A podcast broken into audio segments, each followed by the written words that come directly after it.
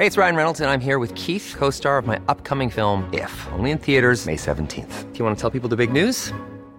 All right, I'll do it. Sign up now and you'll get unlimited for $15 a month in six months of Paramount Plus Essential Plan on us. Mintmobile.com slash switch. Upfront payment of $45 equivalent to $15 per month. Unlimited over 40 gigabytes per month. Face lower speeds. Videos at 480p. Active Mint customers by 531.24 get six months of Paramount Plus Essential Plan. Auto renews after six months. Offer ends May 31st, 2024. Separate Paramount Plus registration required. Terms and conditions apply if rated PG. Hiring for your small business? If you're not looking for professionals on LinkedIn, you're looking in the wrong place. That's like looking for your car keys in a fish tank. LinkedIn helps you hire professionals you can't find anywhere else, even those who aren't actively searching for a new job but might be open to the perfect role. In a given month, over 70% of LinkedIn users don't even visit other leading job sites. So start looking in the right place. With LinkedIn, you can hire professionals like a professional. Post your free job on linkedin.com slash people today.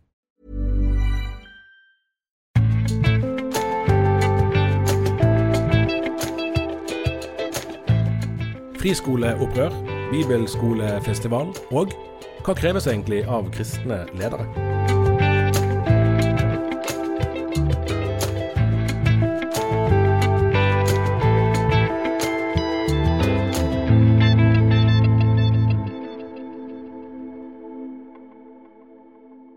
Denne ukens episode av Tore og Tarjei den blir spilt inn på et annet sted enn vanlig. For Tor Hjalmar Sævik og meg sjøl, Tarjei Gilje, vi har beveget oss til Sandviken. Ja, det er et lite stykke nordover i Bergen. Vi vanligvis til litt sør for, for sentrum. Nå er vi litt nord for sentrum. Riktig. Her holder eh, NLA-høgskolen til, har gjort det i 50 år, og vel så det. Og vi har fått låne et, eh, faktisk et rom som brukes til podkastopptak til vanlig, til og med, så det var jo hyggelig. Ja, Vi har vært studenter begge to. Vi har vært studenter begge to. Det var en god følelse kjente jeg å komme inn i det store auditoriet. Der var det lenge siden jeg hadde vært. Ja. Konen min jobber her, så jeg regner meg vanligvis som inhabil til å snakke og skrive om NLA. Her er det jo ikke NLA som er poenget, men derimot bibelskolene og forholdet deres til akademisk forskning. Det kommer vi tilbake til, for vi skal begynne med et annet type skoler. Det har vært veldig mye oppmerksomhet knytt til friskolene og deres betingelser. Den rød-grønne regjeringa la fram et forslag eller, ja, om å kutte etter hvert 500 år, var det 15 millioner i eh, året. Det skulle jo trappes ned over en femårsperiode. Eh, som særlig ville gå utover eh, de såkalt kombinerte Altså barneskole og ungdomsskole Ja. i samme enhet. Og her, for- ordens skyld, jeg har jo ei kone som jobber på en sånn skole. Sånn at det her er jo det, bare, bare være ærlig om våre meninger. Ja. Men vi har ingen aksjer. ja. Nei. Nei, nei det er ingen aksjer. Sånn at jeg skal ikke, skal ikke legge skjul på det.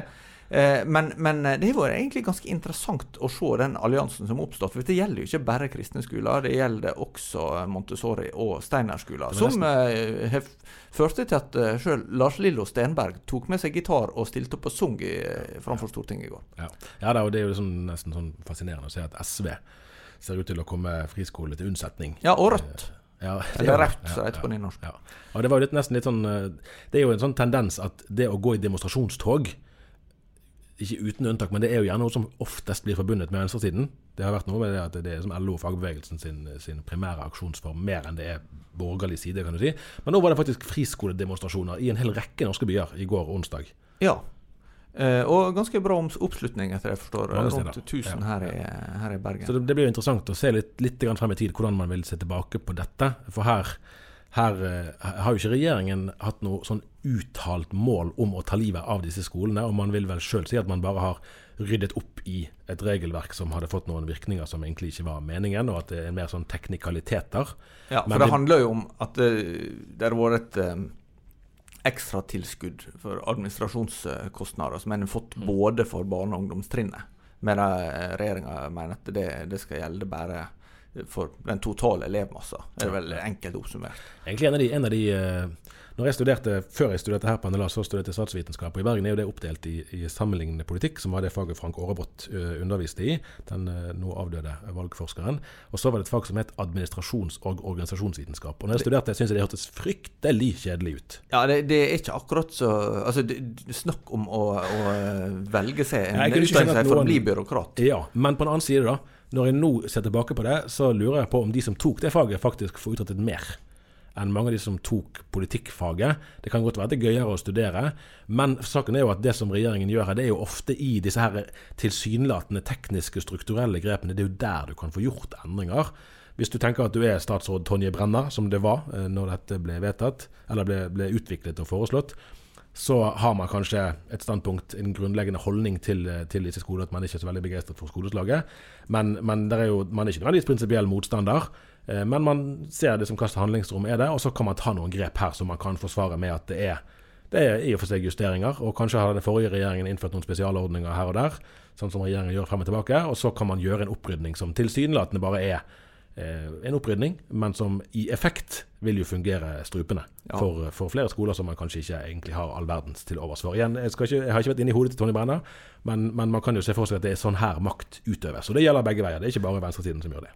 Men det, det, er jo også noe med at du, hvis du tenker dere får kutte kostnader og øke skolepenger, og du, du vet at fra før så har du bare 85% støtte per eh, elev, og så betaler du kanskje Det vil jo variere gjerne litt da mellom skolene, men si 10 000 kroner i året, da, og du nå betaler 30 000 hvis du er tre barn, eh, ekstra i året. Mm. Og så uh, kanskje man til å betale dobbelt. Det, det, blir jo veldig vanskelig for ja, og Det er den store store ironien i hele altså, Det hadde på en måte vært skværere om man sa at disse skolene vil vi ikke ha. Eh, for, man, for nå, nå kommer man jo der at eh, eller kan komme der, eh, at dette blir skoler for de rike. Ja, og, det og det er jo kun 5 av, altså rundt 10% av landets grunnskoler er der, der, er jo en strid mellom høyre- og venstresida. Venstresida insisterer på å kalle privatskoler, ja. mens uh, ikke-sosialistisk side vil kalle det friskoler. Og Der skifter jo lovformuleringen gjerne også frem og tilbake fra regjering til regjering. Nett. Og Litt av poenget er jo at privatskole gir jo litt inntrykk av at det er et kommersielt foretak ja. som, som en, en, eier personlig og dermed tjener penger på, f.eks. Men det er bare rundt 5 av landets elever i grunnskolealder som går på sånne skoler. Så det, det er relativt få, men, men det er jo samtidig Nå så jeg katolsk katolsk biskop i Oslo, Bernt Eidsvik, var intervjua i, i, VG. Fra, fra Vatikanet? Fra Vatikanet, rett og slett. Uh, og der han uh, var veldig uh, bekymra før uh, meldinga om, om, tilbaketrekning, eller iallfall reorienteringa, kom i går. Og da, um, da er jo noe av poenget hans at de katolske skolene er jo noe av det mest mangfoldige du har ja, i, i, Norge. Talt sant, ja. ja for um, de har jo alt fra vietnamesere til polakker mm. til uh, filippinere til ja, veldig mye forskjellig. Sånn at det, det vil jo ha det er jo et eller annet også med, med, at ting blir introdusert i dialog med de det gjelder. Og Det var vel en av de eh, faktorene her som også gjorde at dette vekte såpass sterke reaksjoner. Ja da. Og det virker jo litt sånn nesten sånn korttenkt at man har For én ting er jo de kristne skoler som man fint kan mistenke at den sittende regjeringen ikke har all verdens til overs for. Eh, men, men, her vil jo kuttene òg ramme f.eks. Steinerskolen, som har vært en yndling egentlig for, ja. for flere F.eks. statsministeren sjøl. Og, den, og, en tidligere statsminister. Ja. ja Stoltenberg også at man ja. på Steinerskolen. Ja, han har gått der sjøl. Han har gått der sjøl. Ja. ja. Han lærte jo å lese først når han var sånn ni-ti år, og man lurte på hvordan skal det gå, men det gikk jo bra, da. Ja, Nei, noe, ja. jeg, da jeg var i Amerika sist, fikk jeg høre at der er det flere som driver med homeschooling. Ja, det er ikke så vanlig i Norge. Det, det, er for så vidt lovlig, men det er veldig litt vanlig. Ja. Eh, men eh, der var det også som som drev med unschooling. Dvs. Si at ungene bare skulle lære det de sjøl var interessert i. Eh, det eh, fører jo til at det kan bli litt eh, det, det fører noen utfordringer med seg. Ja. Men det er jo liksom tankevekkende å følge med på her, fordi at eh, i hvert fall når vi vokste opp, sånn, så vil jeg tenke, har vi lett kunne si at de fleste kristne barn går ikke på kristne skoler. Eh, nå lurer jeg på altså igjen, Hvis vi da begrenser kristne barn-definisjonen til å gjelde de som er i kirkeaktive familier, eh, så tror jeg det er riktig ennå. Eh, men jeg tror forholdstallene der har beveget seg en del. Og det har jo vært forsket litt på f.eks. De, det var jo Roald Seifert på HLT som hadde forsket på de som deltok på UL, var det vel? Altså Høgskolen for ledelse og teologi. Ja, Ungdomsfestival til Misjonssambandet. Eh, og Da var det jo i løpet av 80% som hadde gått på Misjonssambandseide skoler. Eh, for da er det jo, der er jo en, noe sånn uheldig hvis, man, hvis liksom kristne mennesker lever i en sånn livsløpssyklus som er egentlig i egen regi. Eh, eh, og Det kan man jo, det vil jo tror jeg også en del kristne være urolige overfor. Eh, men da er det jo liksom i neste runde en utfordring til sittende politisk ledelse. Hvordan eh, kan man innrette den offentlige skolen sånn at disse foreldrene opplever at det er fint for barna mine å være her. Ja, så, så er det jo noe med å um, ha forskjellige perspektiv på dette. For, for, det ene er jo det praktiske, som, som, uh, uh, som eh, må være opp til den, ja, foreldre å, å, velge hva utdanningen vil gir sine barn ut fra et skjønn. Men det andre er jo det, det prinsipielle Altså, hva skal, hva skal være anledning til å velge? For, for, for eh, jeg syns ofte at disse debattene blir rota sammen. Ja, dette her blir, blir eh, eh, Det er ikke et sånn samfunn vi ønsker. Vi ønsker at alle skal møtes på skole osv. Så, videre. så er det jo mye som ikke blir enhetlig likevel. Altså, Skoler på østkant i Oslo og skoler på vestkant i Oslo er jo veldig forskjellige. Mm eh, mye mer uh, ulike de enn en kanskje mange, mange friskoler vil være, sammenlignet med det offentlige skoler med sammensetning og sånn. Eh, men, men, i tillegg så er det dette at det, eh, du kan ikke eh, bruke mer sånn politiske hen, eh, forgodtbefinnende til å overprøve helt prinsipielle spørsmål knyttet til menneskerettigheter. Og det er, jo, det er jo dette her det er jo på sett bunna i at foreldre har rett til å velge utdanning for sine barn i samsvar med, med livssyn og, og, eh, overbevisning. Eh, og, og, da det, det syns jeg ofte blir litt sånn uklart i Norge. Da, for at en, en ender opp med å diskutere dette praktiske eller ja, og pragmatiske. Og det er jo et dilemma der at det prinsippet Altså hvordan, Hvor går grensene for det? Det ja. er jo ikke helt gitt. Nei da, men, sånn men, det er jo ganske lange ja. tradisjoner ja, for at, at uh, livssynssamfunn uh, f.eks. driver skoler. Det, det, er jo sånn det har begynt. i mange, Og det er jo sånn mange plasser i verden fortsatt. at det, det er jo, Skal du ha utdanning, så er det en er det i religiøs regi det foregår. Så her får vi nå, nå hørte jeg at jeg leste hva det var for noe, at budsjettforhandlingene skal begynne tror jeg, i morgen, altså fredag eller, eh, eller på mandag. Eh, så her eh, kan det jo være forhåpninger om at noe av de foreslåtte kuttene blir, blir reversert. Eh, dette var jo SV som, som bidro til, bl.a. Eh, I det samme forslaget deres til alternativt budsjett, så var det jo òg et uh, omfattende kutt til NLA-høgskolen som vi er på nå. Det skal vi ikke snakke om her av de nevnte habilitetsgrunnene. Men vi skal snakke om hvorfor vi er her. For det har som nevnt ikke noe med denne høyskolen å gjøre i og for seg, men om det å gå på bibelskole, som vi jo begge har gjort. Stemmer. Og de inviterer rett og slett til en bibelskolefestival. Det, det er jo nesten rart å tenke på, men i og rundt Bergen finnes det faktisk fire bibelskoler. Sant. Og tre av dem er her eh, nokså fulltallige, tror jeg, i dag. Ja. Og det, det, blir jo en del folk. Det er jo da Bibelskole Bildøy som Indremisjonsforbundet eier. Så er det Substans, som er eid av Salt, Tabernaklet og Kredokirken. Og så er det Impact, som jeg er faktisk ikke helt Den har jeg vært den skolen satt jeg i styret for for mange år siden. Ja, Men du har ikke helt hvem som eier Da heter noe annet. Nei, no, det, for det er jo også menigheten Jesusfellesskapet som vel er den største driveren igjen. Men det er mulig det er flere eiere. Det er jeg faktisk ikke helt sikker på. Ja, men eh, det er en eh, karismatisk orientert bibelskole. Det kan du trygt si. kan du trygt si. Og så er det jo Kristen Fellesskap som driver sin Bergen bibelskole. Men de tror jeg ikke er her. I hvert fall ikke noe sånn kollektivt. Eh, Nei. Ja. Um, og noe av det som gjorde det interessant å, å være her og snakke om nettopp dette, det er jo at her eh, vi, vi, diskuterte det litt i forkant, at her er vel på en måte sånn at hjerne og hjerte eh, møtes. Eh, dette er jo litt veldig forenkla sagt, men noe av hensikten med å ta et år på bibelskole er naturligvis å lære, men det er jo i et miljø som legger vekt på, eh, på en type formidling undervisning som er oppbyggelig. Eh, hvis du går videre og studerer teologi, så kan en også oppleve det oppbyggelig, men det, da er det jo teologi som et akademisk fag og kanskje med, med, med å bryne seg på problemstillinger som kan være nokså utfordrende med, med sånn hjerteutgangspunkt. Hvis en tenker at det jeg skal høre, skal eh, bekrefte eller oppmuntre eller, eller, eller liksom eh, ja, hele tida styrke den overbevisninga som, som, jeg hadde, så, så, kan det bli en skuffelse. Det kan det, og det er jo ingen nyhet. Altså, jeg, når jeg skulle begynne å studere her for nesten 20 år siden, så kunne jeg òg få eh, liksom reaksjoner i retningen Oi, du må passe på at ikke, at ikke det å studere teologi eh, går på troen løs. Eh, og, altså, det er på ingen måte noen ny, noen ny eh, problemstilling at de to tingene kan oppleves å stå i et konfliktfylt forhold til hverandre. At, eh, at det å studere akademisk teologi nesten er sånn ensbetydende med at man enten blir liberal eller frafallende. Eller at man dras i den, i den retningen. Og det, og det er òg en kritikk som har rammet NLA, selv om det vel tradisjonelt er den av disse høyskolene som altså av MF og TF i hvert fall, da, uh, ja. som, som, uh, som uh, har blitt regnet til å stå bedehusfolk og den konservative teologitradisjonen. Ja, Den er jo eid av sju lutherske ja. misjonsorganisasjoner. Sånn at så det, så det, er ingen nyhet, det, at, at det er en spenning der. Og Der, der syns jeg det var fint. og Det var en som het altså Merete Hot, som var et nytt bekjentskap for meg, i hvert fall. Høyskolelektor på NLA høgskole i Staffels gate i Oslo. Som holdt et ganske tankevekkende innledningsforedrag om vrede og barmhjertighet, et møte med to gammeltestamentlige profeter. Ja. Det var Jonah og Jeremia. I hver sin ytterkant. Ja. Eh, og eh, Jeremia er jo blitt opphav til eh, uttrykket 'jeremiade', altså Ja. klagesang. Ja, ja, ja.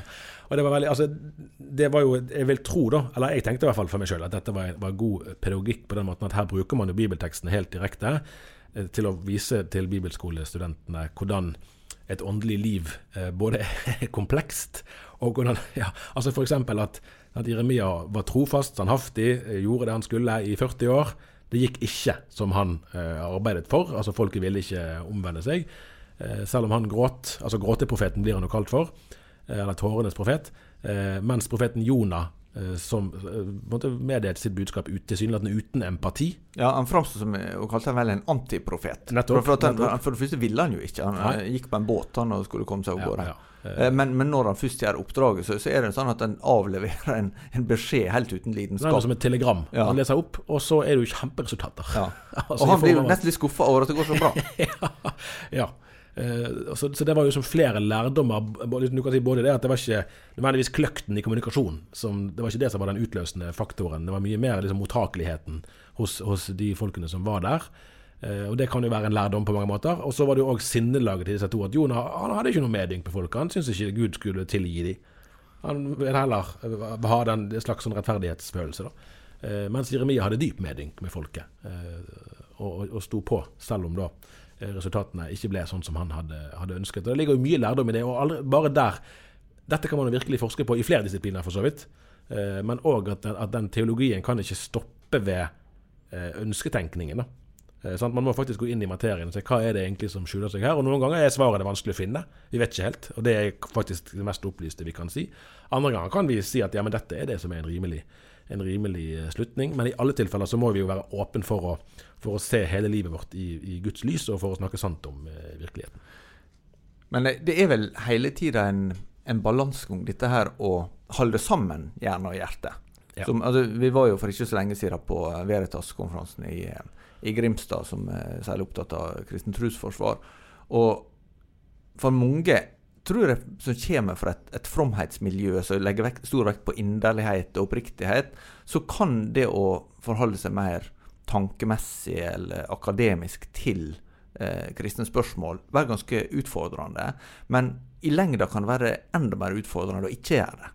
Jeg vil si at, at Noe av det som er interessant eh, og i den konferansen vi er på nå, er at disse to størrelsene eh, trenger og kan bli gjensidig beriket av hverandre. At man kan se på det som fiender. og at den, altså, Akademikere kan tenke at bibelskole driver med for lettvint eh, teologisk formidling, mens bibelskole kan tenke at akademikerne nærmest undergraver troen fordi at de kun er interessert i å forske på det Bibelen ikke sier, eller på å finne teorier som kan så tvil om, om Bibelens antatte budskap.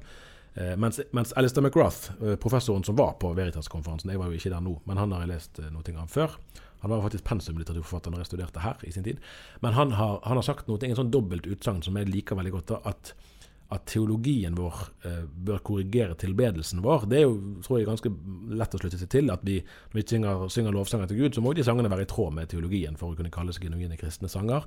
Men det er òg en kjensgjerning at tilbedelsen vår kan korrigere teologien vår. Ikke på den måten at vi skal komme opp med ny teologi mens vi lovsynger, nærmest, men at vi faktisk i møte med Gud eh, kan få teologien vår korrigert, sånn at den kommer på plass.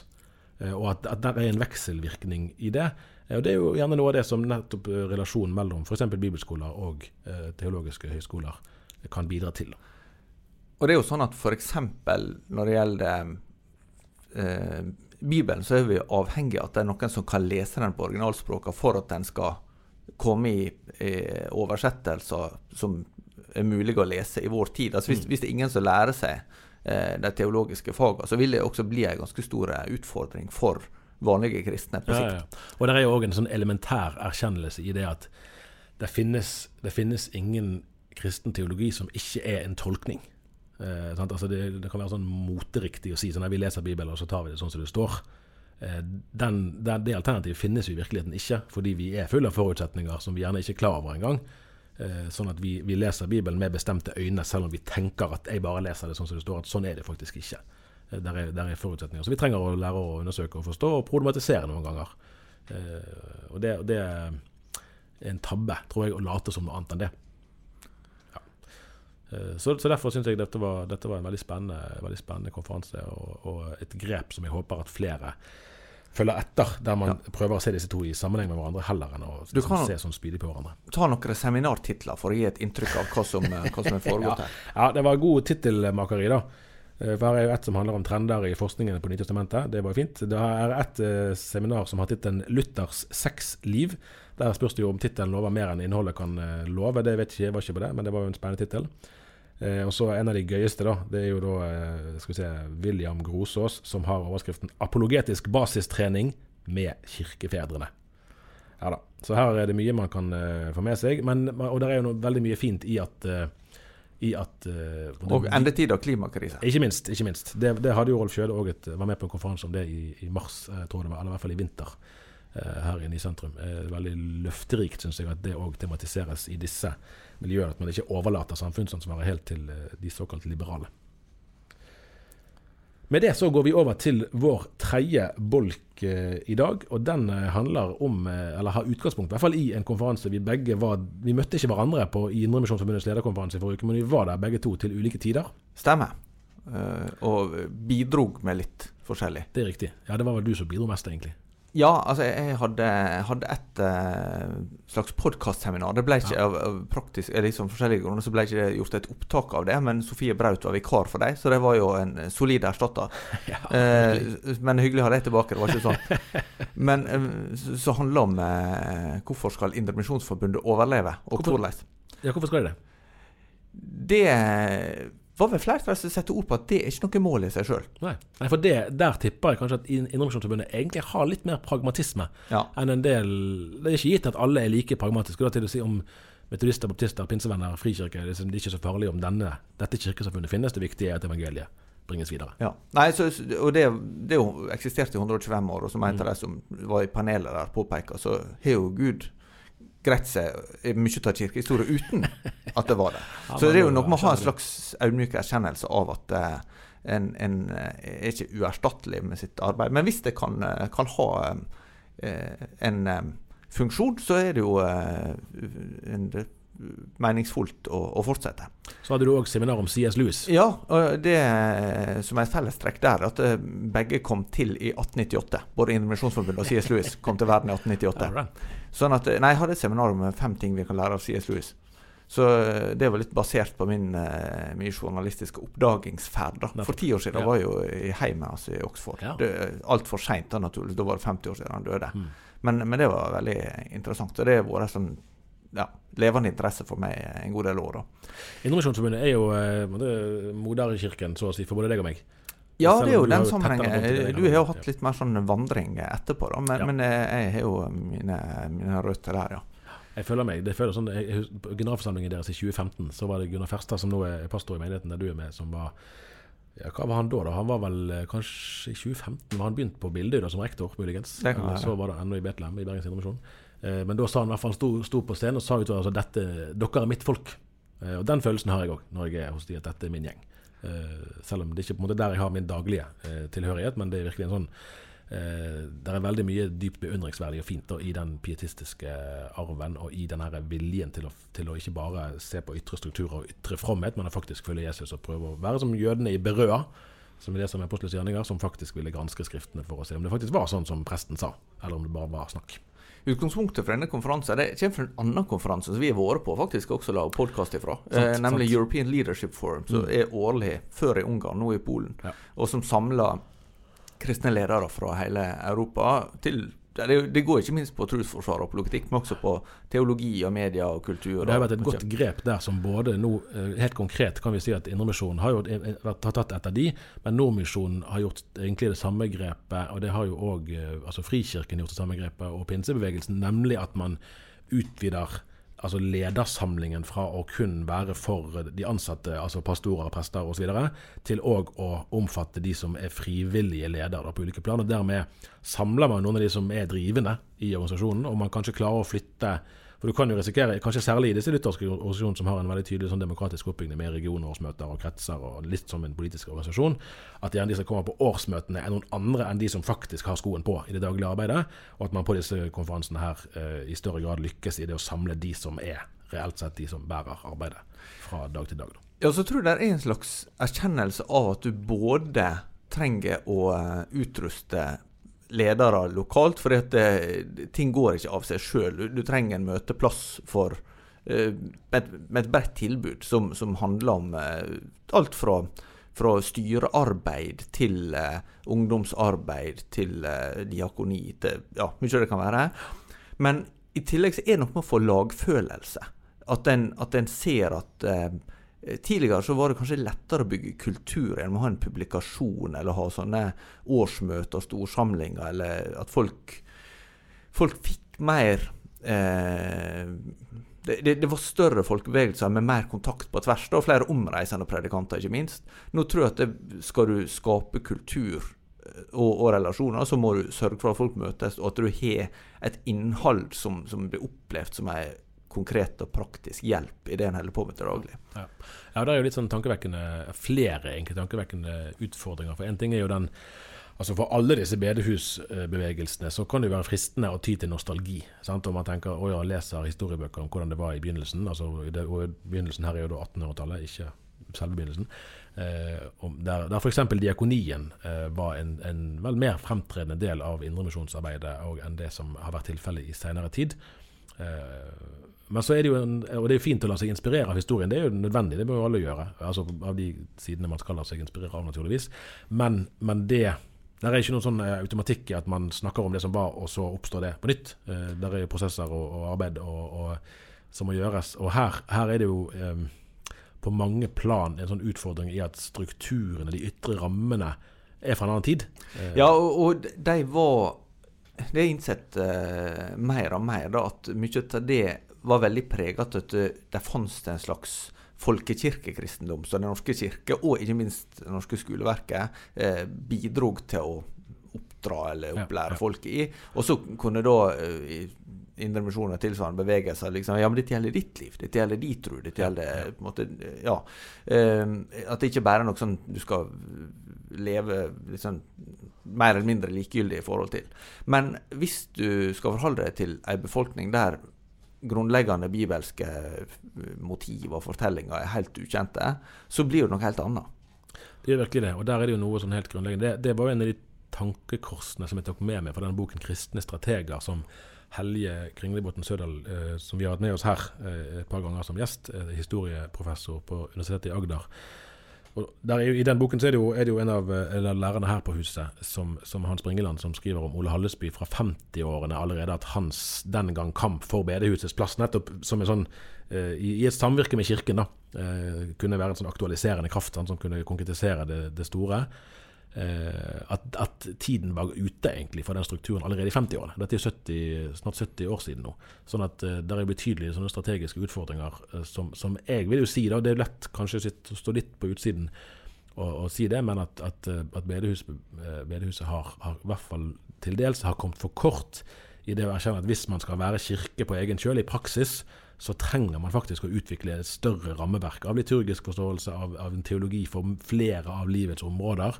En mer helhetlig eh, gudsforståelse enn det bedehuset eh, historisk har hatt. Og det virker det som at man har veldig vanskelig for å komme til rette med, eller for å finne ut av. Og, og det er jo kanskje noe av av eh, utfordring i en sånn kristenhet som kan Man kan lure på om du får en mer sånn todeling, at du har det som en folkekirkelighet som er mer rendyrket folkekirkelig, med alt det som det fører med seg, og en, en frikirkelighet som, som eh, kanskje strever litt med å finne, finne sin, sin liksom helhetlige plass, da, der man er mer kontant og kanskje mer, noen ganger mer aktivistisk.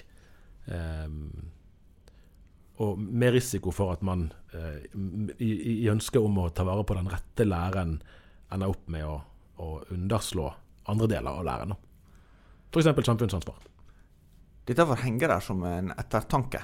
Ja, for nå er jo saken den at du skal rett og slett, eller vi skal begge inn der, men du skal vel skrive fra et uoffisielt norgesmesterskap i bibelkunnskap. Ja, Skal du delta?